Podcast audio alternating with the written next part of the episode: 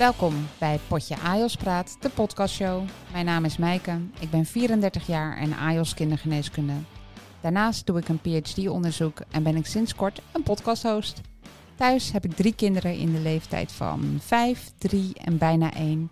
En hoe ik dit alles combineer, weet ik zelf eigenlijk ook niet. Maar uh, ja, so far, so good. Ontzettend leuk dat je deze podcast hebt gevonden. En ik ben het gestart omdat ik denk dat er behoefte uh, is aan een platform waarin jonge artsen met elkaar om de tafel kunnen.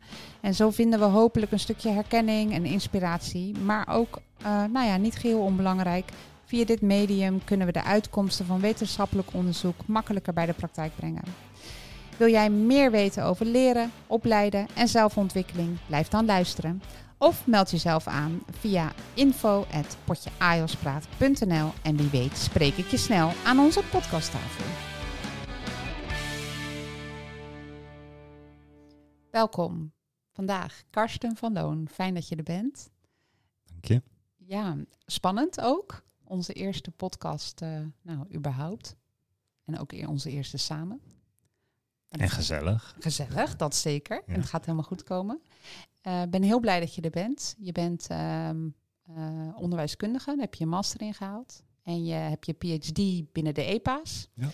En uh, jij bent een hele goede om mee te starten, want jij komt in alle medische vakgebieden en jij gaat dan met opleiders om de tafel om te zien hoe AIOS beter of anders opgeleid kunnen worden. Dus ja, jij kan ons alle ins en outs vertellen, wat jij ziet in de praktijk. Dus ik denk heel waardevol. Met aangetekend dat ik misschien wel de helikopterview zie. Hè? Uh, maar de echte praktijk kennen de specialisten en de AIOS natuurlijk het best. Dus dat is het leuk, uh, nou ja, ook om met jou daarover te praten als meer de kenner van de AIOS kant. Precies, dus we gaan elkaar helemaal goed aanvullen tussen Zeker. theorie en praktijk en nou ja, alles wat jij ziet. En hoe ik het heb ervaren in de praktijk, misschien ook wel. Um, want wij kennen elkaar, dat is misschien ook nog wel even goed om te vertellen. Wij kennen elkaar via uh, mijn PhD-onderzoek. Nu hoe lang? Denk een jaar? Ja, allebei. Ja. ja hè? En jij bent eigenlijk erbij gekomen binnen onze onderzoeksgroep. En uh, nou ja, mijn steun, kan ik wel zeggen. Maar redding, ik weet het ook niet. Uh, iedereen heeft wel binnen zijn PhD zo'n moment dat hij denkt... En nu? nu? Nu, nu gaat het verder niet meer. En toen kwam jij, dus dat was het perfect. Dus nu... Uh, Goeie moment om in te vallen. Zeker, ja, lekker. zeker. En nou ja, tijdens onze onderzoeken, interviews die jij hebt afgenomen onder AIOS ook, kwam steeds een bepaalde informatie naar voren. En nou ja, toen dachten we, hey, hier moeten we wat mee. We gaan starten met die podcast. En nu zitten we hier. Ja, laten we doen. We gaan het doen. Zeker. Precies. Ik denk wel dat het ook belangrijk is. Um, ja, misschien wil jij dit wel wat meer introduceren. Wat we precies uit onze onderzoeken naar voren haalden. Dat we dachten, hé, hey, dit, dit moet anders. Dit, ja, eigenlijk een beetje het doel, hè? Ja, want je, en we hebben natuurlijk heel veel gesproken met AIOS, uh, eerder ook met opleiders. Je hebt ook nu focusgroepstudies gedaan um, over EPA's hè, bij opleiders en AIOS'en. En elke keer merk je dat je ongeveer bij het begin moet beginnen van waar hebben we het nu eigenlijk over? Hè, wat is überhaupt de theorie? Hoe zou het moeten werken in de praktijk? En um, ja, een soort knowledge gap, denk ik toch? Uh, in eigenlijk de eigen opleiding van mensen. Nou, ik denk niet, denk ik. Er is denk ik een enorme gap. Ja, ja ik nee. probeer het nog uh, voorzichtig te framen. Maar... Nee, nee. Nee, maar ik bedoel, we hebben niet één keer, maar echt wel heel frequent horen wij AIOS letterlijk zeggen... Ja, ik ben maar gewoon gestart. Ik wist eigenlijk niet precies wat de opleiding was. EPA's, ja. Ik hoorde het de opleiding een keer uitleggen. Ja, gaandeweg. En aan het eind van de opleiding, toen kon ik, nou ja, komt er individualiseren of... Hè, ja. En toen pas kon ik echt dingen gaan aanpassen in mijn opleiding, dat ik dacht, hé, hey, zo werkt het. Dus mensen hebben vijf à zes jaar nodig om eigenlijk het systeem te leren kennen van de eigen opleiding. Nou ja, kijk, als jij natuurlijk niet precies weet met wat voor opleiding je start, dan kan je natuurlijk ook niet verwachten dat je gelijk het maximaal haalbare uit je opleiding haalt. Nee, nee dat denk ik ook. Nou ja, dan hebben wij een mooie, uh, mooie gap te vullen, toch? Precies, ja. dat denk ik ook. Dat denk ik ook. En ja, nee, ik, ik, ik meen echt dat ik echt vind dat het heel belangrijk is dat AIOS met meer kennis aan een opleiding starten. He, dus dat het gewoon niet meer zo kan zijn dat je start met een opleiding en dat je niet het opleidingsplan hebt gelezen. Nee.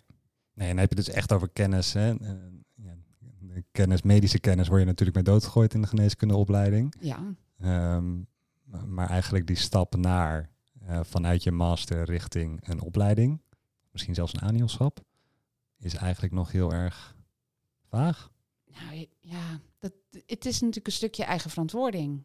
Want je werkt natuurlijk in de praktijk, je, ja, je werkt in de kliniek en je besluit dat je een bepaald medisch specialistisch gebied op wil, hè, of, of uh, buiten de muren van het ziekenhuis, en je gaat solliciteren.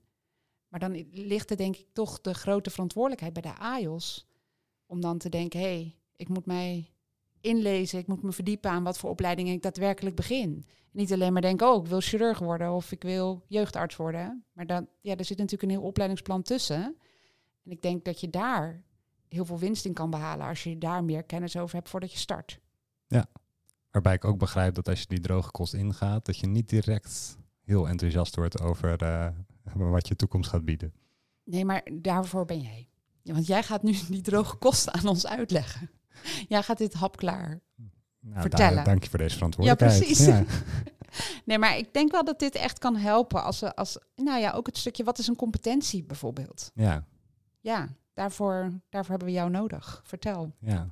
Hoe ja, zit Ik, ik, ik, ik zou altijd zeggen, dan moet je bij het begin beginnen. Hè? Ja.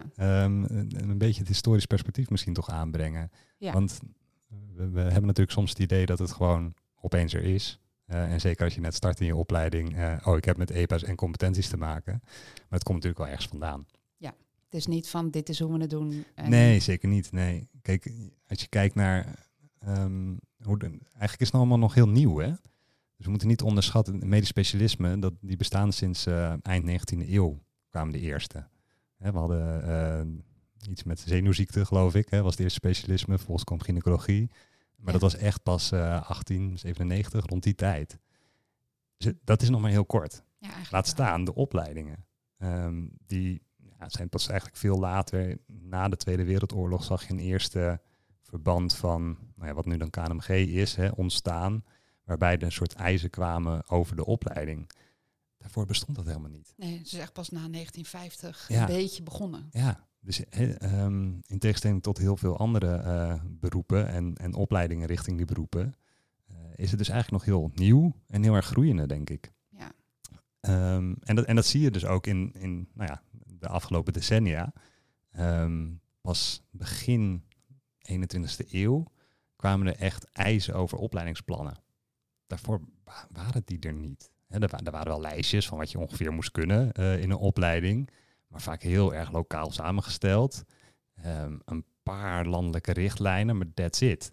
Ja, dus toen kon je als geen opleidingsplan. Nee, dan kon je als AIOS helemaal niet weten waar je aan toe was. Je wist alleen, ik ga in opleiding tot kinderarts en that's it. Ja. Wanneer is dan zo'n beetje het echte eerste opleidingsplan gekomen? Nou, de, de, de, eerste daarin waren ook kindergeneeskunde, gynaecologie. Um, en, en dat was dus inderdaad rond uh, uh, nou, iets na de eeuwwisseling. Ja. Um, zo laat, hè? Ja, ja. ja, het is echt nog niet zo, uh, niet zo heel lang geleden. Nee, maar dat, dat zet het ook wel weer. Nou, je krijg je ook wel weer gelijk meer begrip in dat het gewoon dus nog voor iedereen eigenlijk nieuw is. Ja, zeker. Nou, en dat was dus ook het moment dat ja, er meer vanuit de, de wetenschappelijke verenigingen, die, die natuurlijk verantwoordelijk zijn om die opleiding neer te zetten, um, opeens de roep kwam van, ja, hoe doen we dit eigenlijk? Uh, en toen kwam ook eigenlijk de eerste nou ja, uh, input vanuit onderwijskundigen.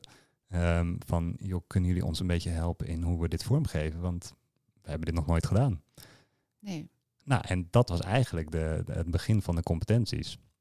Je had in, in vooral Canada, daar hebben wij heel erg naar gekeken als Nederland zijnde. Die liepen er iets op voor. Uh, die kwamen met de CanMats ja. roles. Ja. Nou. Ik denk dat de meesten van ons dat wel kennen, CanMats. Ja. Um, Want waar, ehm, stond het, waar staat het precies voor? Weet je het nog? Ja, de, de Rolls heb je dus zeven rollen. Ja. Uh, het, het gekke is een beetje dat wij in Nederland ze vertaald hebben naar competenties. De vraag is al of, of dat kan. Ja. Um, want in Canada hebben ze dus echt onderzoek gedaan onder de bevolking van wat vindt de bevolking, de maatschappij, nu belangrijk in een medisch specialist. Ja. Nou, en daar kwamen opeens hele andere dingen dan alleen maar die medische expertise naar voren. Ja, precies. Want we vinden het belangrijk dat ze kunnen communiceren, samenwerken, ja. uh, maatschappelijk handelen. Ja. Maar het ging echt over de rol van de medisch specialist. Ja. Hè, dus je bent een, een rol, rol als uh, communicator of professional. En wij in Nederland hebben dat vertaald naar competenties. Van dat moet in je zitten als medisch specialist. Daar moet je je bewust van zijn en dat moet je gaan ontwikkelen. Exact. Ja. En dat moeten we gaan trainen. Ja, precies. Op de werkvloer. Dat heb je niet vanzelf. En we hebben een praktijkopleiding van nou, drie tot zes jaar. Hè? Ja. Ehm, zijn de meeste volgopleidingen. En daarin moeten die competenties, eh, die innerlijkheden van de, de arts, eh, getraind worden. Ja. En het liefst dus ook getoetst en afgetekend. Ja, precies. Nou, dan, dan, dan snij je ook gelijk weer een heel nieuw eh, onderdeel aan. Maar die competenties, daar werken we vandaag de dag natuurlijk nog steeds mee. Dat is niet veranderd. Maar er is wel een soort nieuwe ehm, nou ja, situatie op het speelveld gekomen dat we nu om zijn naar EPA's. Ja. Dus en hoe verhouden die, wat, wat, ja, Eh, wat voegen ja die EPA's nee, nou trouwens. toe? nou ja, leg want dat de vraag is, hè, je zegt inderdaad, hè, we zijn omgegaan naar, eigenlijk niet, want het is een hele andere entiteit. Ehm, competenties, die blijven. Ja, Het blijft natuurlijk belangrijk dat jij als medisch specialist kan communiceren, kan samenwerken, eh, professioneel gedrag toont. Hè, dus het hele competentieframework, en dat zie je ook overal, hè, die, die zijn nog steeds in stand gebleven. Alleen, wat ik net al aanstipte, dat toetsen en echt beoordelen op die competenties, ja, dat bleek een beetje ingewikkeld. Ja. Ehm, en dat kwam niet echt van de grond. nee, want hoe test je nou dat iemand inderdaad goed medisch leiderschap heeft getoond? Ja, dat is best hoe doe je lastig. dat? Ja. Dat met is- communicatie kunnen we allemaal nog wel. Dan kan je een keer zien, nou, zo'n arts-patiëntgesprek ging lekker of niet. Nou, Ja, precies. hè, vinkje. Ehm, maar of jij lekker eh, maatschappelijk hebt gehandeld deze week, zeg het Nee, maar. en dat is natuurlijk ook voor iedere afdeling weer zo wisselend. Wat dan weer belangrijk is voor iedere specialisatie, maar ook voor iedere afdeling. Nou ja, en hence eh, de EPA's, hè, Ja, de. Entrustable Professional Activities. Om eigenlijk een nieuwe entiteit aan te brengen waarvan we zeggen, dit is toetsbaar. Ehm, en dit is een herkenbare eh, taal eigenlijk voor de, de medische praktijk. Namelijk, we gaan activiteiten formuleren die jij als medisch specialist moet kunnen, die je in je opleiding kan tegenkomen en waar jij gradueel bekwamer in kan worden. Ja. Dus stap voor stap. Dus mag ik dan samenvatten eigenlijk dat EPA's ehm, een manier of eigenlijk een tool is geworden om die competenties in de praktijk te kunnen gebruiken? Ja, dat denk ik wel. Het is een soort ordeningsprincipe. Hè? Ja. Dus het blijft ook nog steeds binnen een EPA, ehm, ja, eh, noem er een complexe bevalling. Ehm, Ja. Daarin moet je nog steeds kunnen samenwerken, moet je nog steeds eh, professioneel gedrag hebben. Hè? Ja, Dus al die competenties, die zijn onderliggend daaraan. Alleen we hebben het een andere, ja, ander hapklaar blokje, brokje gegeven. ehm, wat we makkelijker vinden, of denken, dat makkelijker is voor in de medische praktijk. ja, precies. En wel goed dat je ook gelijk even een voorbeeld aanhaalt. Want het is natuurlijk allemaal best heel theoretisch.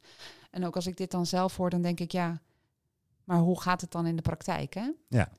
Dus ik, ja, de kindergeneeskunde kunnen we misschien wel gewoon ook als voorbeeld Ja? nemen. Ja, zeker. Want die zijn vrij vroeg geweest in het hele opzetten van die EPO-opleiding. Ja. Toch? En als je het ziet in, in Nederland en andere landen van de wereld, hoe, hoe verhoudt dan, hoe lopen wij zeg maar op schema? Ja, kijk, als je kijkt, ehm, het, het is een begrip dat, dat ooit geboren is eh, ehm, door Ollet en Katen, eh, eh, samen met Verder Schelen. Ollet en Katen ehm, eh, vanuit de UMC Utrecht. Ja, dat is echt de grondlegger geweest van ja, het hele EPA. Ja, die wordt een beetje als de, de godfather beschouwd. Verder Schelen is gynaecoloog in het OVG. Die was meer van de praktijkkant, hè, die kende dat goed. Ja, Nou, en, en die eerste Gouden artikelen duo. hebben zij geschreven, waardoor het echt is gaan lopen. Ehm, en Nederland was dus ook echt de eerste die met dit concept is gaan werken. ja. Eh, en in navolging van is het nu ehm, ja, wijdverspreid eigenlijk. Ja. best wel mooi hè, dat wij Nederlanders hier toch, nou wij Nederlanders, Ollet en Katen en verder schelen, niet gelijk de eer naar onszelf toetrekken, maar dat, dat die dan toch de grondlegger zijn van dit hele manier van werken. Ja, Ja, het is toch gaaf. zeker. En vergis je niet, hè, de, de, de Nederlandse medische opleidingen staan echt hoog aangeschreven eh, wereldwijd. Ehm, dus eh, nou ja, we komen wellicht ook wat op eh, de zwartere kantjes hè, in deze podcast. Maar ehm, over het algemeen is die, is die, die opleiding heel goed Ja. en heel gedegen en dient die echt als voorbeeld voor veel landen. Ja, mooi toch? Kunnen we trots op zijn allemaal Zeker. dat we dat hebben. Maar goed, als we weer even terug naar die praktijk. Hè? Als we kijken, we hebben dan bijvoorbeeld de kindergeneeskunde. Die hebben negen EPA's. Dus ze hebben dat hele vak kindergeneeskunde eigenlijk opgesplitst in negen, nou ja, eh, ja activities eigenlijk. Negen grote onderwerpen die belangrijk zijn. waarin je bekwaam verklaard moet worden aan het eind van je opleiding. En dan mag je zeggen, ik ben kinderarts. Dus dan is het bijvoorbeeld opvang acuut ziek kind. Ja. Ik zeg maar even wat. En in dat opleidingsplan staat dan uitgewerkt wat dan de opvang van een acuut ziek kind is. Maar dan ook welke competenties daarvoor belangrijk zijn. Dus je communicatieskills, je leiderschap. Je, Ja, dus eigenlijk exact. weer die. Nou Ja. ja. zo vat het dan samen. Ja. En tijdens je opleiding word je dan dus bekwaam verklaard voor een EPA. Kijk, en het aardige is, is dat je, als je daarmee werkt ehm, en je beoordeelt, of beoordeelt, hè, eigenlijk niet te veel over beoordelen hebben. Het gaat vooral over begeleiden, denk ik. Ja, Ehm, en feedback geven. Je probeert een IELTS verder te helpen in die activiteit.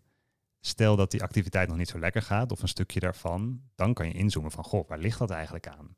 En dan kom je er misschien achter, oh wacht, die samenwerkingscompetentie, daar gaat nog niet zo lekker. ja Hè? precies. Dus daar kan ik even gericht mijn feedback op doen. Kan die IELTS daar aan gaan werken en zie je dat die groeit in die activiteit. Ja, dus dan kan je heel gericht bijsturen. Ja. Dat is eigenlijk het Ja. hele idee. Ja. Theorie, hè? Theo- ja, uiteraard. Uiteraard. Want ja, jij ziet de praktijk. De praktijk is weer barstig. Precies. En ook weer denk ik heel verschillend. Dus eh, verschillende vakgroepen. En dat zie je dus ook in hoe de EPA is eh, ingebed in die verschillende vakgroepen. Ehm, volgens mij heb je nu de variatie van eh, nou, vier EPA's voor de hele opleiding tot over de 100 Oh ja. eh, EPA's per opleiding. Want dat is Ehm, bijvoorbeeld radiologie, toch? Ja, die spannen de kroon. Eh, Ja. Nou is er alweer een revisie geweest waarin ze van nou, om en nabij 130 naar volgens mij iets van 80 zijn gegaan. Oh, dat is nog steeds Eh, fors. Het is nog steeds fors. Ehm, Maar die hebben dan dus de EPA X-thorax beoordelen. Of buikoverzichtsfoto beoordelen. ja, Toch? Dat level, toch? dat, eh, dat neem ik aan. Ja, ja. ja. Dus dan laat je de vier zien en dan ja. krijg je het vinkje. Kijk, en dan zit het heel erg op handeling, hè, niveau. Dan wordt het weer een Ehm, afvinklijst. En dan heb je het risico dat je zegt, oh check, jij kan het. Ja. En dan moet je alles afchecken voordat je door kan. Ja, want als jij als onderwijskundige, hè, en je bent hier helemaal in gespecialiseerd, wat denk jij nou dat de beste manier is dan van het beoordelen? Hoe, hoe kom je dan op het punt dat je denkt, nou ja, je hebt een x aantal EPA's en die AIOS moet daar gaandeweg bekwaam in worden, maar hoe, hoe moet je dat nou het beste beoordelen? Hoe kan je dat nou het beste vangen? Kijk, 130 EPA's en Ja, nee, dat, dat, dat een vinkje, is niet ja, ik bedoel, dat is niet, Nee, nee. nee bedoel, dan, hebt dat gewoon- kan, dan kan je net zo goed geen EPA's noemen, denk ik meer. Nee, dan is het Ehm, gewoon een checklist, toch? Ja, ja. Want er zitten ook geen competenties meer in. Nee. En het gaat, wat mij betreft, echt. ehm, de basisgedachte achter de EPA voor mij, wat is het belangrijkste goed, is Ja. die eh, graduele bekwaamheid. Dus je groeit in niveau eh, over die activiteiten. Ja, maar hoe weet je dat nou? Want nou, ik ik bedoel, denk. je groeit altijd. Ja, klopt. Ehm, maar de een groeit wat sneller dan de ander. Ja. En de een is dat puur hè, omdat hij er goed in is. Eh, de ander omdat hij eh, nou eenmaal dat heel veel heeft gezien in een bepaalde stage. Ehm, maak je snellere groei door dan een ander. Ja. En daar kom je ook direct op de, de reden waarom het zo wijd verspreid is, denk ik, in Nederland. Ehm, de kracht die het zou kunnen zijn voor individualisering. Dat Ja. heeft heel veel verenigingen aangesproken van, oh Dat willen we. ja, en dat moeten we. Ja? Dus er zit nog wel iets, nou ja, een, een iets perversere prikkel misschien onder. Eh, het was namelijk wel allemaal in de tijd dat het in de opleidingsplannen kwam, dat er ook vanuit de overheid werd gezegd, we gaan de opleidingen korten. Jullie krijgen minder geld. Dus een opleiding die zes jaar duurt, moet vijf jaar worden. Punt. Mhm. Nou, je kan je voorstellen dat dat wel wat eh, stof deed opwaaien. Ja, toch weer Ehm, financieel ge- gedreven. hè? Ja, nou ja, en, en toen zijn ze in onderhandeling gegaan met het ministerie. ehm, en is er eigenlijk uitgekomen, nou laten we een project starten. Waarin we gaan proberen tot verkorting te komen, maar dan wel een soort verantwoorde verkorting hè, van die opleidingen. En dan hoeft misschien ook niet het hele jaar eraf, kan er soms maar een half jaar af. Hè. Nou, gaan we, gaan we even kijken hoe dat werkt. Dus eigenlijk een opleiding op maat. Ja, dat, dat was de, de, de argumentatie. Hè? En ze zochten dus heel erg naar een systeem van hoe kunnen we nou die opleiding verkorten zonder te zeggen we gaan gewoon deze en deze stage eruit halen. Punt. Ja. Want dat valt natuurlijk nergens goed. Nee, en dan leid je ook niet meer op tot goed, goed medisch specialist. Ja, dat is de vraag. Want wie heeft ooit bedacht dat een opleiding eh, zes jaar moet duren? Ja, eens. Of drie jaar? Eens. Dat was, hè, wat ik net beschreef, eh, misschien in Nou, de jaren zestig eh, relevant. Maar ook, het is, ik bedoel, veel AIOS hebben tegenwoordig al jarenlange ervaring als ANJOS. Zeker. Dus als jij er al drie, vier jaar op hebt zitten als ANJOS, dan heb je waarschijnlijk ook niet je volledige opleiding nodig om tot je exposure te komen. Al is die jaren Anios vaak wel heel autodidactisch ingesteld. Eh, want je moet maar zelf gewoon het uitzoeken en zelf leren. En vaak vrij weinig begeleiding. Terwijl als je dat misschien ook nog een beetje zou begeleiden, dan kan je, dat, kan je er zeker voor opteren dat dat van je opleiding af zou kunnen. Ja, Maar dat was dus ook het idee, hè, van we zoeken een systeem waarop we dat kunnen verantwoorden. Nou, als we die EPA nu invoeren, dan kunnen we makkelijk zeggen, oh, je hebt die EPA iets eerder behaald, die stage kan wat korter, die stage ook. Nou, en zo knibbelen we wat van, eh, knabbelen we wat van eh, die eh, opleidingsduur af. ja dan, en dan haak je denk ik nu ook gelijk wel een gevaar aan dat een EPA behalen gelijk staat aan het verkorten van je stage. Ja, Dat is natuurlijk ergens ook weer zonde. Want juist met een EPA op zak ben je bekwaam verklaard. In die zin ehm, weet je de grenzen van je eigen kunnen. Dus het is niet dat je natuurlijk alles weet. Dat kan niet. Want je bent nog niet een medisch specialist of nog niet bij je eindpunt. Maar je weet waar je eigen grenzen liggen. Dus je weet wanneer je supervisie nodig hebt. En kan je dus op afroep zelf bepalen wanneer je iemand erbij wil halen. En dat zijn juist zulke waardevolle weken in je opleiding. Waarin je werkt met een EPA op zak. Dus eigenlijk ook weer zonde als, als dat natuurlijk te veel gelijk staat aan... oh, je hebt je EPA, hup, door naar je door. volgende. Want er moet een korting in. nou ja, en jij kent de praktijk. Ik weet niet, als je voor je ziet hoe je eh, ingedeeld bent, hoe lang je roosters lopen normaal gesproken. Als je eh, opeens blijkt het te kunnen, kan je dan weg? Nee, ook weer niet. Nee, maar ergens vind ik dat ook wel weer goed. Want dan kan je dus wel weer werken met een EPA op zak. Ja, Dus dan betekent het niet gelijk van hup, EPA, hup, door. maar het zorgt dus niet voor verkorting. Nee, uiteindelijk niet. Het zorgt voor individualisering. Ja, Want het jij geeft hebt misschien ruimte. eerder gehaald dan een andere. Dus jij hebt ruimte om andere dingen daarin te doen in de tijd die je nog resteert binnen die stage. Ja. Daarvoor kan het ook super waardevol zijn. Ik denk dus dat het ook niet past bij verkorting. Kor- Het past bij individualisering. Ja, maar dat is, dat is mooi. Want het maakt dus wel, als ik mijn EPA, eh, weet ik veel, poly, enkelvoudig probleem. Hè? Dus op de polykliniek kinderen met gewoon relatief simpele klachten. Op de poly zie, met alleen hoofdpijn of alleen buikpijn. En, ehm, en ik heb daar mijn EPA in gehaald. Dan kan ik wel denken, oké, ik heb nu dit op zak. Er komt ruimte. Ik heb mijn grootste leercurve wat dat betreft nu tijdens de opleiding gemaakt. En ik kan kijken, kan ik misschien een verbeter traject op de poli starten? Of kan ik zelf wat gaan superviseren? Of kan ik zorgen dat ik nog wat meer, eh, weet ik veel, endocrinologieproblemen zie? Of... Ja. Dus dat, dat, dat geeft wel hele mooie individualisatiekansen. Ja. En zie je dit nou ook in de praktijk? Doen Nee. AIOS dit? Nou, ehm, nee, nee zeggen is het. eh, het gebeurt wel. Het gebeurt meestal bij mensen die al vrij ver in de opleiding zijn. Dus die ook een beetje weten hoe werkt het systeem. Hoe kan ik dat- er het beste en maar, uithalen? Maar, maar dat zeiden we ook aan het begin, hè? dat we dus dat AIOS starten en dat ze denken, oké, ik ben maar gewoon gestart. En aan het eind dat ze denken, oh, wacht even, ik kan dus wel Ja. wat individualiseren of wat dingen naar mijn hand zetten. Maar dat past misschien ook bij hoe je in de opleiding zit. Hè? Want in het begin is het ook. Je moet alles kunnen opeens. Hè? Je moet Ja. alles tegelijk. ehm, je, je moet je eerste dienst in. eh, je, je, je ziet je eigen patiënten. Ja, je, bent gewoon blij, nieuw. je bent gewoon blij dat je draait. ik En de meesten geven dat ook aan. Als ik mijn hoofd boven water weet te houden het eerste jaar, dan ben ik geslaagd. Ja, En, en dat kan ik me ergens ook wel voorstellen. ik ook. Ik ook. Toch? Ja, Ja. dat, heb ik, dat denk ik dat ik zelf dat ook wel zo ervaren dus als iemand dan aankomt met, eh oh, maar eh, zullen we even lekker gaan individualiseren? Want ik zag dat je dit en dit al makkelijk doet. Ja, rot op.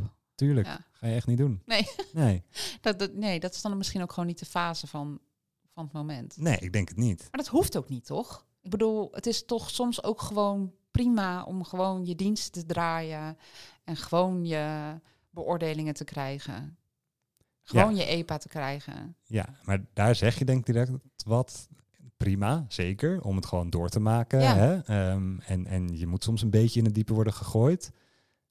Maar dan wil je wel een badmeester die ergens naast je staat en ook nog wat aanwijzingen geeft. En ook daadwerkelijk aangeeft van, goh, jij gaat goed, hè? of je gaat ongeveer volgens no- nominaal. Ehm, of je gaat te langzaam, of je gaat te snel. Maar hè, iemand die daar wel een soort begeleiding in geeft. Ja. En ja, en nu, en nu komen we natuurlijk bij het hele punt dat wie, wie is nou eigenlijk de opleider en wie zijn nou eh, je supervisoren? Die moeten hiervoor zorgen. Ja. En dat is denk ik waar iedereen heel erg mee aan het worstelen is. We komen vanuit een, een meester-gezel-principe. Ja. Hè, vanuit de opleiding. Oudsher, Ja. de arts voorop en de rest liep erachteraan. ja, de specialist had, had een gevolg, hè, eh, kende die door en door. Die mensen waren er ook 80 uur per week, dus je leerde elkaar ook al kennen. Hè? Ja. Eh, en het was vaak een één-op-één relatie. Die sliepen daar. Ja, ja je moest niet eh, anders denken, Nee. want dan was je eruit. Nou, en ik denk, is het, ik bedoel, vandaag de dag is dat natuurlijk wel anders. Maar er zijn toch nog steeds wel specialisaties waarbij gewoon, nou ja, de chirurg voorop, dan de AJOS, dan de ANJOS, dan de KOOS. Ja, ik denk het, het zal bestaan. Ik denk wel dat het uitstervende is. Ja. Ehm, dus daar zie je echt wel heel, heel veel goede ontwikkelingen, ook in, in de laatste jaren in.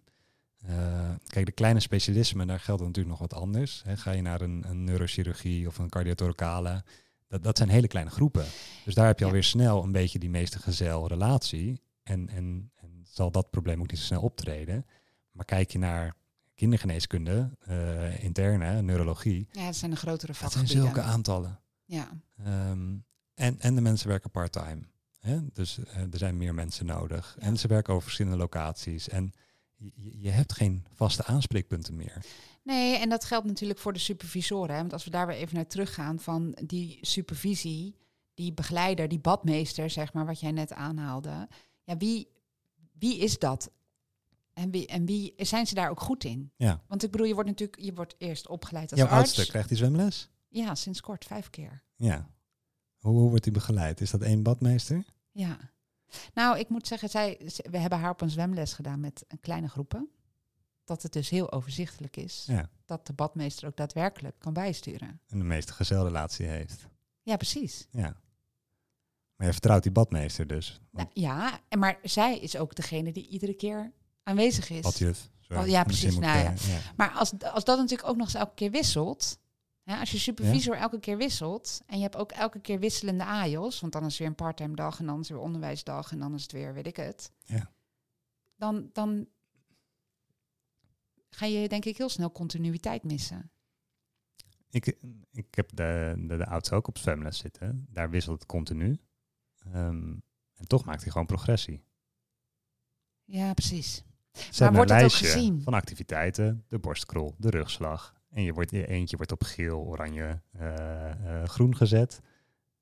En zo kan iedereen zien aan het begin van de les... oh, wie heb ik in mijn les zitten? Waar staat die ongeveer? Oké, dit niveau, dan weet ik wat ik moet begeleiden. Want we hebben met elkaar afgesproken wat het eindpunt is. Hè? Ehm, Het eindpunt is kunnen afzwemmen diploma A. Daarvoor is dit en dit nodig, deze activiteiten. En wij beoordelen iemand dus along the way eh, hoe die gaat op die activiteiten en sturen bij daar waar nodig. Ja. Maar dat vraagt dus wel van de supervisoren ehm, een bepaald plan, eh, samenwerking. Dat ze het ook belangrijk vinden, dat ze Ja. er oog voor hebben. En dat vraag ik me wel eens af, ook in de praktijk. Zijn, zijn- worden we wel door de juiste, zeg maar, begeleid en opgeleid? Snap je wat ik bedoel? Het zijn geen onderwijskundigen. Ze zijn niet getraind om een docent te zijn of om echt te superviseren. Nee, nou, ik zou ook vooral niet aanraden om door een onderwijskundige opgeleid te worden. ehm, want, want die hoef ik dan ook niet aan mijn bed te hebben. Eh, ik heb graag iemand die vooral in die medisch expertrol toch heel goed weet eh, eh, wat hij moet kunnen en doen.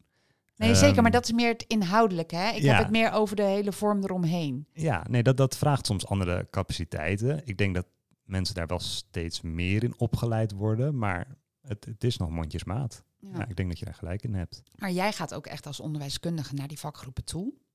Ja. En hoe gaat dat? Ik wil dat weten. Hoe, hoe, wat, is, wat is een hulpvraag? Wat speelt daar dan? De hulpvraag is, ehm, kan ik accreditatiepunten krijgen? Hè? Dat is zeg maar het uitgangspunt. En die zijn belangrijk, ja. Dat Die weet zijn ik, belangrijk maar- voor je registratie. Ja. Hè? Ehm, en ze moeten eens in de vijf jaar zoveel opleidingsaccreditatiepunten krijgen, zeg maar. Ja. Dus dat moet elke vijf jaar afgetikt worden, anders kom je niet door je visitatie. Ja. Plat gezegd. Ja. Oh ja, ik Ehm, ben dan toch wel weer zo naïef dat ik dan dus eigenlijk denk... van, oh, we willen die AIOS nog meer meegeven. We willen ze nog beter opleiden. nou, We vanuit, halen de, Karsten erbij. nee, vanuit de opleiders is dat ook echt zo. Ja, hè? toch? Dat, daar geloof ik ook echt in. Ja. De, meeste opleiders hebben echt die Het is echt drive. wel hard voor een. AIOS. Dat geloof ik ook. Maar kijk je naar gewoon hele grote groepen. Ja, ik werk dan in een UMC. Ehm, als jij met eh 60 stafleden zit, daar zijn niet 60 mensen die onwijs gemotiveerd zijn voor die opleiding. Nee. Die zijn bezig met patiëntenzorg, die zijn bezig met onderzoek. eh, en die hebben af en toe nog een AIOS of een co-assistent rondlopen. Maar dat hoeft ook niet per se, denk ik. Hè? Ik ook denk die ook hebben weer hun eigen individuele ehm, nou ja, hoeken waarin ze gespecialiseerd zijn, waar hun aandachtsgebieden liggen. En daar kan je ook van leren. Ja, precies. Alleen je moet wel met elkaar, en dat is denk ik de uitdaging, het met elkaar over eens zijn, wat verstaan wij onder bekwaam? Dus naar welke medisch specialist, hè, wat is dat zwemdiploma A voor ons? Ja, En uit welke activiteiten bestaat dat? En, en wat willen wij dan zien van iemand om te kunnen zeggen, ja, jij kan die borstkrol. ja. En dat is denk ik, zeker in die grote groepen, echt een uitdaging. Dat is ingewikkeld. Ja. En kom jij dan om de hoek om eigenlijk als een soort mediator in zo'n groep te praten van jongens, wat verstaan jullie nou onder het bekwaam zijn voor deze EPA? Ik probeer dat gesprek met ze aan te gaan hè, en, en ook met de AIOS erbij. ehm, van jongens, kunnen we dat met elkaar formuleren? Ja, precies. En- Zitten en- we op één lijn? Ja, en wat betekent dat dan voor jullie, bekwaam zijn? Betekent dat eh, dat je geen supervisie meer mag vragen? Betekent dat dat je eh, alles opeens zelfstandig moet doen? Ja, dat is natuurlijk niet waar. Nee, ik, ik zie het als een opleidingsinstrument. Hè? Het is een instrument voor de AIOS om als AIOS te zien waar sta ik eigenlijk in mijn opleiding en waar moet ik nog eh, een beetje aan werken. Ja, Hè? Het is dus niet zozeer een, een, een bevoegdheid, het is een bekwaamheid. ja. maar dat betekent natuurlijk niet dat je gelijk, eh, dat je gelijk specialist bent, superieur bent en dat je nooit meer hulp nodig hebt. Tuurlijk niet. Want Nee. ook later in de praktijk, ook als specialist, blijf jij ook gewoon die hulpvraag doen. En heb je een lastige context. Ik moet wel zeggen dat ik dat zelf ook in de, in de eh, praktijk heel spannend vond. Bij, bij mijn eerste EPA. Ja. Want dan komt zeg maar, ja, je, je hebt dan, eh, je, ik had dan mijn afdeling ehm, in een algemeen ziekenhuis, dus een wat kleiner ziekenhuis. En dan gewoon echt de kinderafdeling. Nou, daar had ik, ik heb vier jaar geanjost voordat ik in opleiding was. Dus geloof mij, die afdeling, dat had ik al lang onder de knie. Hè, het runnen van een afdeling. En dan komt het punt dat je dus die EPA moet halen. Ja, en toen dacht ik wel, maar dan ben ik, dan heb ik dus mijn vinkje, hè, dan ben je dus competent. En dan, ja, dan, dan gaat dus ook die kinderarts af en toe, nou ja, af en toe, die gaat dan gewoon vaker ook weg. Want dan kan jij bepalen wanneer je je supervisie... Dat is ook wel een eng moment. Dat je Tuurlijk. denkt, ja, nu... En nu moet ik het alleen doen. Dat voelt toch zo. Maar hoe gaaf dat je dat binnen je opleiding kan leren, dat alleen doen.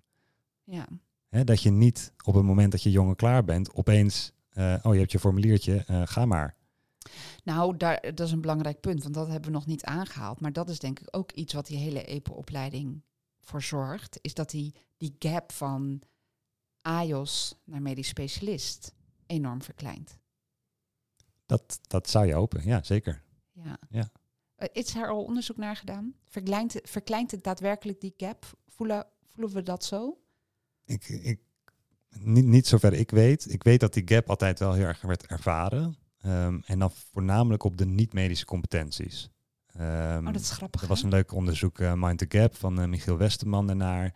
Ehm, die heeft in Nederland en Denemarken gekeken van hè, wat, wa- waarom zijn er veel jonge klaren die ook nou ja, hun welzijn eh, niet als top ervaren. Eigenlijk met name omdat ze dus hun algemene competenties missen. Dus die meeste expertrol, daar zijn ze wel redelijk zeker over. Ja, maar opeens werken in een maatschap. Ja geen idee. eh, gelijkgesteld worden met die collega's. nee. Ja, dat is opeens heel lastig. Eh, verantwoordelijk zijn voor je eigen patiënten. Hè? Ja, en ook, dan krijg je dus ook gelijk weer die supervisorrol. Ja. Gaan bepalen. Mag je het ook. Is, is die, ik was net AJOS, nu niet Ja. meer. Maar is deze AJOS competent om... En dat zijn dus ook vaak de personen die het heel lastig vinden om AIOS los te laten. Oh ja. Om, niet zozeer omdat ze die AIOS niet vertrouwen, maar omdat ze zichzelf misschien wel niet vertrouwen. Ja, maar dat is ook ingewikkeld. Natuurlijk. Nou, en niet alleen jonge klaren vinden het lastig om AJOS los te laten hoor. Nee, dat, daar, daar zal je vast de andere ervaring ook wel in hebben. zeker. ja, dat, maar dat is natuurlijk heel persoonsafhankelijk. Ja. ja. Maar goed, jij komt in zo'n vakgroep, jij gaat aan tafel met supervisoren, met AJOS, van jongens, wat betekent het nou eh, om competent te zijn? Wanneer ga je die EPA halen? Wat voor gevolgen hangen daar nou aan? Zorgen dat zo'n vakgroep eigenlijk op één lijn zit, dat iedereen het eens is met elkaar. Ik denk niet dat dat, dat iets onhaalbaar is, toch? Dat is toch met elkaar te... In theorie, hè, want dit is theorie, Ja. kom je daaruit. ja, Ehm, maar het is niet een vaststaand iets. Hè? Dus dit moet je blijven doen. En dat, dat is natuurlijk soms het frustrerende. Eh, Mensen willen graag een antwoord hebben. Ook om even vertellen hoe ik dit dan doe. En zeker specialisten, hè, die houden meestal wel van aanpakken. eh, Gewoon duidelijkheid. Ehm, maar dat is het niet. Want dit, is een, denk ik, organisch proces. Want het hele wat is bekwaam, dat verandert voortdurend. Het Ja. is heel lastig om eindtermen vast te stellen voor een beroep dat continu in beweging is. Nee, want d- en, en dat is ook wat, wat het hele medische vakgebied natuurlijk. Het is onmogelijk om dat te vangen in, in vaste punten. Ja. Iedere patiënt is anders, iedere situatie Tuurlijk. is anders. Je werkt met andere verpleegkundigen samen, je supervisor is anders. Dus wat wil je zien? Dat, dat je AIOS een soort adaptief vermogen hebben. Hè? Kunnen ze zich aanpassen aan weer een nieuwe situatie? Nou, kennen ze hun eigen grenzen. En kennen zijn eigen grenzen, zeker. Ben je bewust onbekwaam? Ja, dat Ja. is belangrijk. Ja. We hebben natuurlijk ook allemaal nog een enorme zwarte vlek, Ja. waarvan we natuurlijk niet weten. Nee. Ja, dat is ingewikkeld. En dit is iets, weet je, de EPA kan daar zeker bij helpen. Maar ook niet meer dan dat, hè. Het is een methode, een hulpmiddel voor de opleiding. Ehm, maar het is geen diepere filosofie of zo. Dus je moet ook niet meer van verwachten dan dat. Dat gaat soms denk ik in de praktijk ook, ook wel eens mis. Het is wel eens onthaald als een soort heilige graal. Ja, dat, dat geloof ik niet. Nou, maar het biedt wel heel veel structuur. Zeker. En dat maakt het wel gelijk overzichtelijk. Dat het, Kan dat het- structuur bieden. Ja. nou ja, kijk, je hebt een x aantal EPA's. Dus op die manier, je gaat al in kleinere brokken discussiëren over de bekwaamheid Ja. van een jonge arts. Dat maakt natuurlijk wel dat je meer focus kan aanbrengen.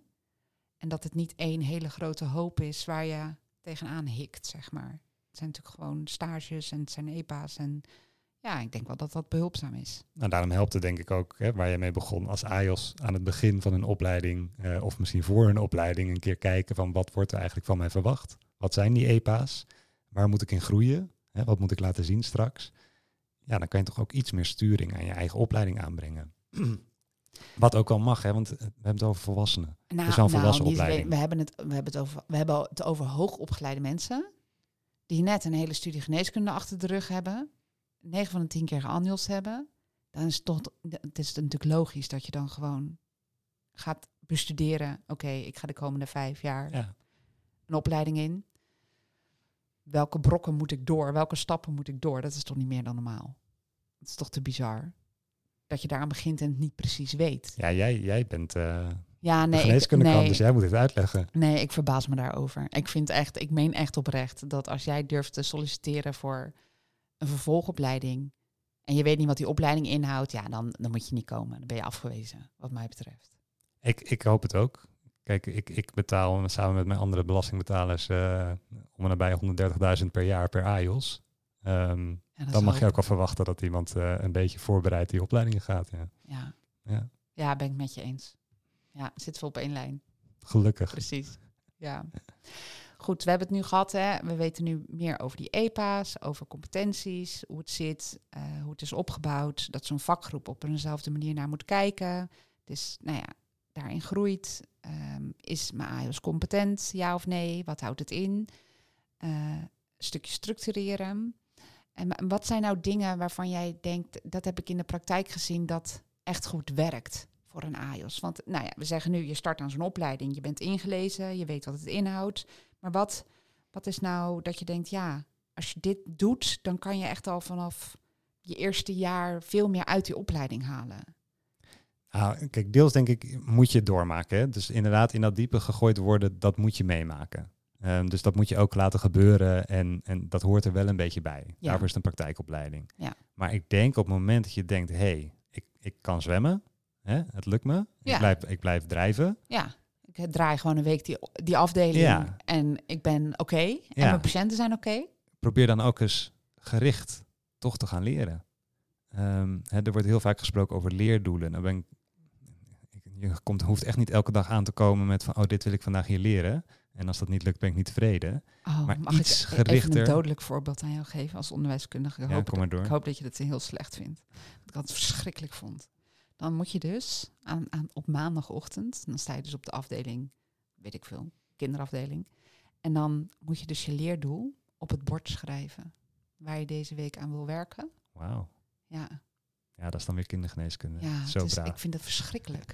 maar ik, en, en dan zijn ze daar ook heel trots op dat we dat doen. Want dan is het Ja. dus heel onderwijsminded. Ja. Dan, dan ben je daar dus heel goed mee bezig. Ja. En dan schrijf Maar waarom was het verschrikkelijk? Ja, dan denk ik, zout op. Laat me met rust, denk ik dan. Ik ben gewoon aan het werk. Maar dan moet je dus opschrijven, ik wil deze week werken aan mijn eh, time management. Dus dat mijn eh, visite om 12 uur is afgelopen. En dan heb ik nog heel de middag om het uit te werken. Ja. En ik wil dan een eh, KPB, een korte praktijkbeoordeling op, eh, nou, weet ik veel, een lichamelijk onderzoek. Dat de supervisor een keertje meekijkt. En werd je daarin dan begeleid? Nee, natuurlijk niet. Daarna, heel, nou ja, natuurlijk niet. Ja, ik Het stond op het bord. Ik hoor die kinderarts al in me. nee, maar het stond op het bord. Ja. Precies. Ja. Ja. ik weet niet. Ik krijg daar ook jeuk van. Dat is mij te schools. Kijk, en dat zijn middeltjes om iets voor elkaar te krijgen. Wat vanuit gedachten denk ik goed is. Hè? Dus Tuurlijk. Ehm, je probeert mensen aan te zetten tot gericht leren. Hè? Eh, dus het is natuurlijk heel gek van, oh, ik ga gewoon naar mijn werk. En ik ga zes jaar lang naar mijn werk en dan heb ik mijn diploma. Ja, dat is een beetje gek leren. Dat is Zo, gek. zo, zo zou ik mijn studie niet doorkomen. Nou, er zijn natuurlijk nog wel gewoon weer je maandelijkse onderwijsdagen en je onderwijsmomenten. Die heb je natuurlijk nog wel erbij. Ja, maar dan sla je het weer plat naar onderwijs. Ja, Waar de meeste leercurve in zit, zit in, dat, in die praktijk. Het gewoon, hè, de patiënten, het doen. doen. ja. En deels. dat begeleid doen. Ja, En dat je dan een keer vraagt aan een staflid, joh, kijk eens mee hè, tijdens mijn poliegesprek, wat niet eens zo heel veel gebeurt, eh, en let eens hierop, want ik ben hier niet zo zeker van. Dat kan je uit zo'n opleiding halen. Ja, dat is Hoe geweldig is dat? Ja, dus eigenlijk wat je zegt, als je het echt wil dat het werkt, dat je het wil laten werken, eh, stel je kwetsbaar op. Nou, het, het En- hoeft niet eens kwetsbaar, maar leerbaar. Leerbaar, ja. Ja, dat is helemaal niet hetzelfde natuurlijk. Nee, je, Nee. je bent in opleiding. Dus je, mag die positie. Daarna gaat dat niet zo vaak meer gebeuren. Hè? Nee, nooit meer. Nee. Nou ja, nou daar kunnen we het ook over hebben. Want het zou heel goed zijn als, als dat denk ik wel nog blijft gebeuren. Nou, zeker, dat is de volgende aflevering, maar Ja. zeker. Ehm, maar ik denk ook in die opleiding, wees je bewust, ik ben in opleiding, ik hoef het niet al te kunnen op eindniveau. Nee. dat hebben ook vaak mensen, hè, dat ze het toch al proberen, ze net zo te draaien als hun, hun, hun Kinder- Of een supervisoren. kinderarts of Ja. een chirurg. Of... Nee, je mag het leren. Ja, maar dat, en, en dat is toch iets heel ingewikkelds in het wereldje. Omdat ja, je mag het leren, helemaal mee eens.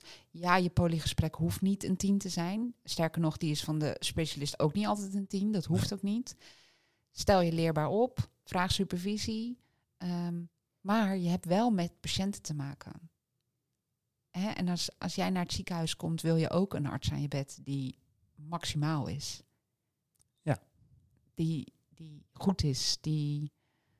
Ja, dus dat vind ik toch... Ik vind dat altijd een lastig balans. En dat, dat schuurt ook een beetje met de verantwoordelijkheid die al bij AIOS wordt neergelegd, denk ik. Hè, eh, vaak de eerste personen in het ziekenhuis eh, die patiënten zien zijn AIOS'en. Ehm, dus er komt een hele grote verantwoordelijkheid eigenlijk al bij die lerende groep. Heel groot. En de vraag is of dat terecht is. Ja, dan stellen we wel gelijk een hele...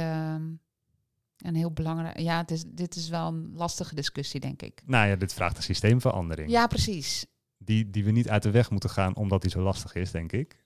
Maar goed, hè, ehm, Ja, we gaan nu naar aflevering 2. Ja. Dit onderwerp moet, eh, moet opgeschoven worden. Dit is te groot. Als we het hele ziekenhuis willen hervormen. Maar, nee, maar ja, je snapt wat ik bedoel, we toch? kunnen hem gaan ontwerpen. Ja, maar je Laten zit we het als... nieuwe ziekenhuis ontwerpen, waarin dit klopt.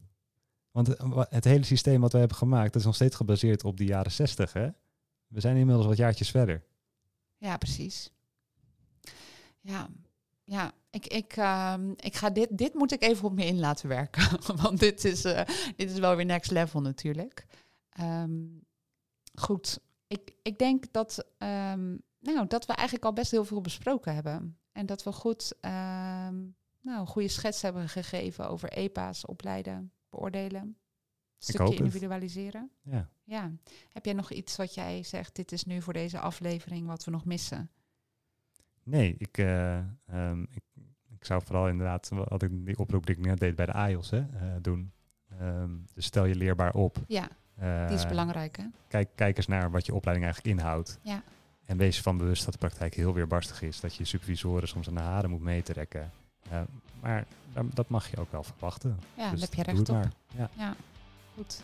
Ontzettend bedankt voor jouw uh, mooie bijdrage, voor je informatie. En uh, wij gaan nadenken over hoe het ziekenhuis hervormd moet worden. En uh, misschien daar later meer over. Ziekenhuis van de toekomst. Ziekenhuis van de toekomst. Precies, we, we gaan ermee aan de slag. Bedankt voor het luisteren naar de eerste uitzending. Volgende week gaan we in gesprek met Janiele van der Velde.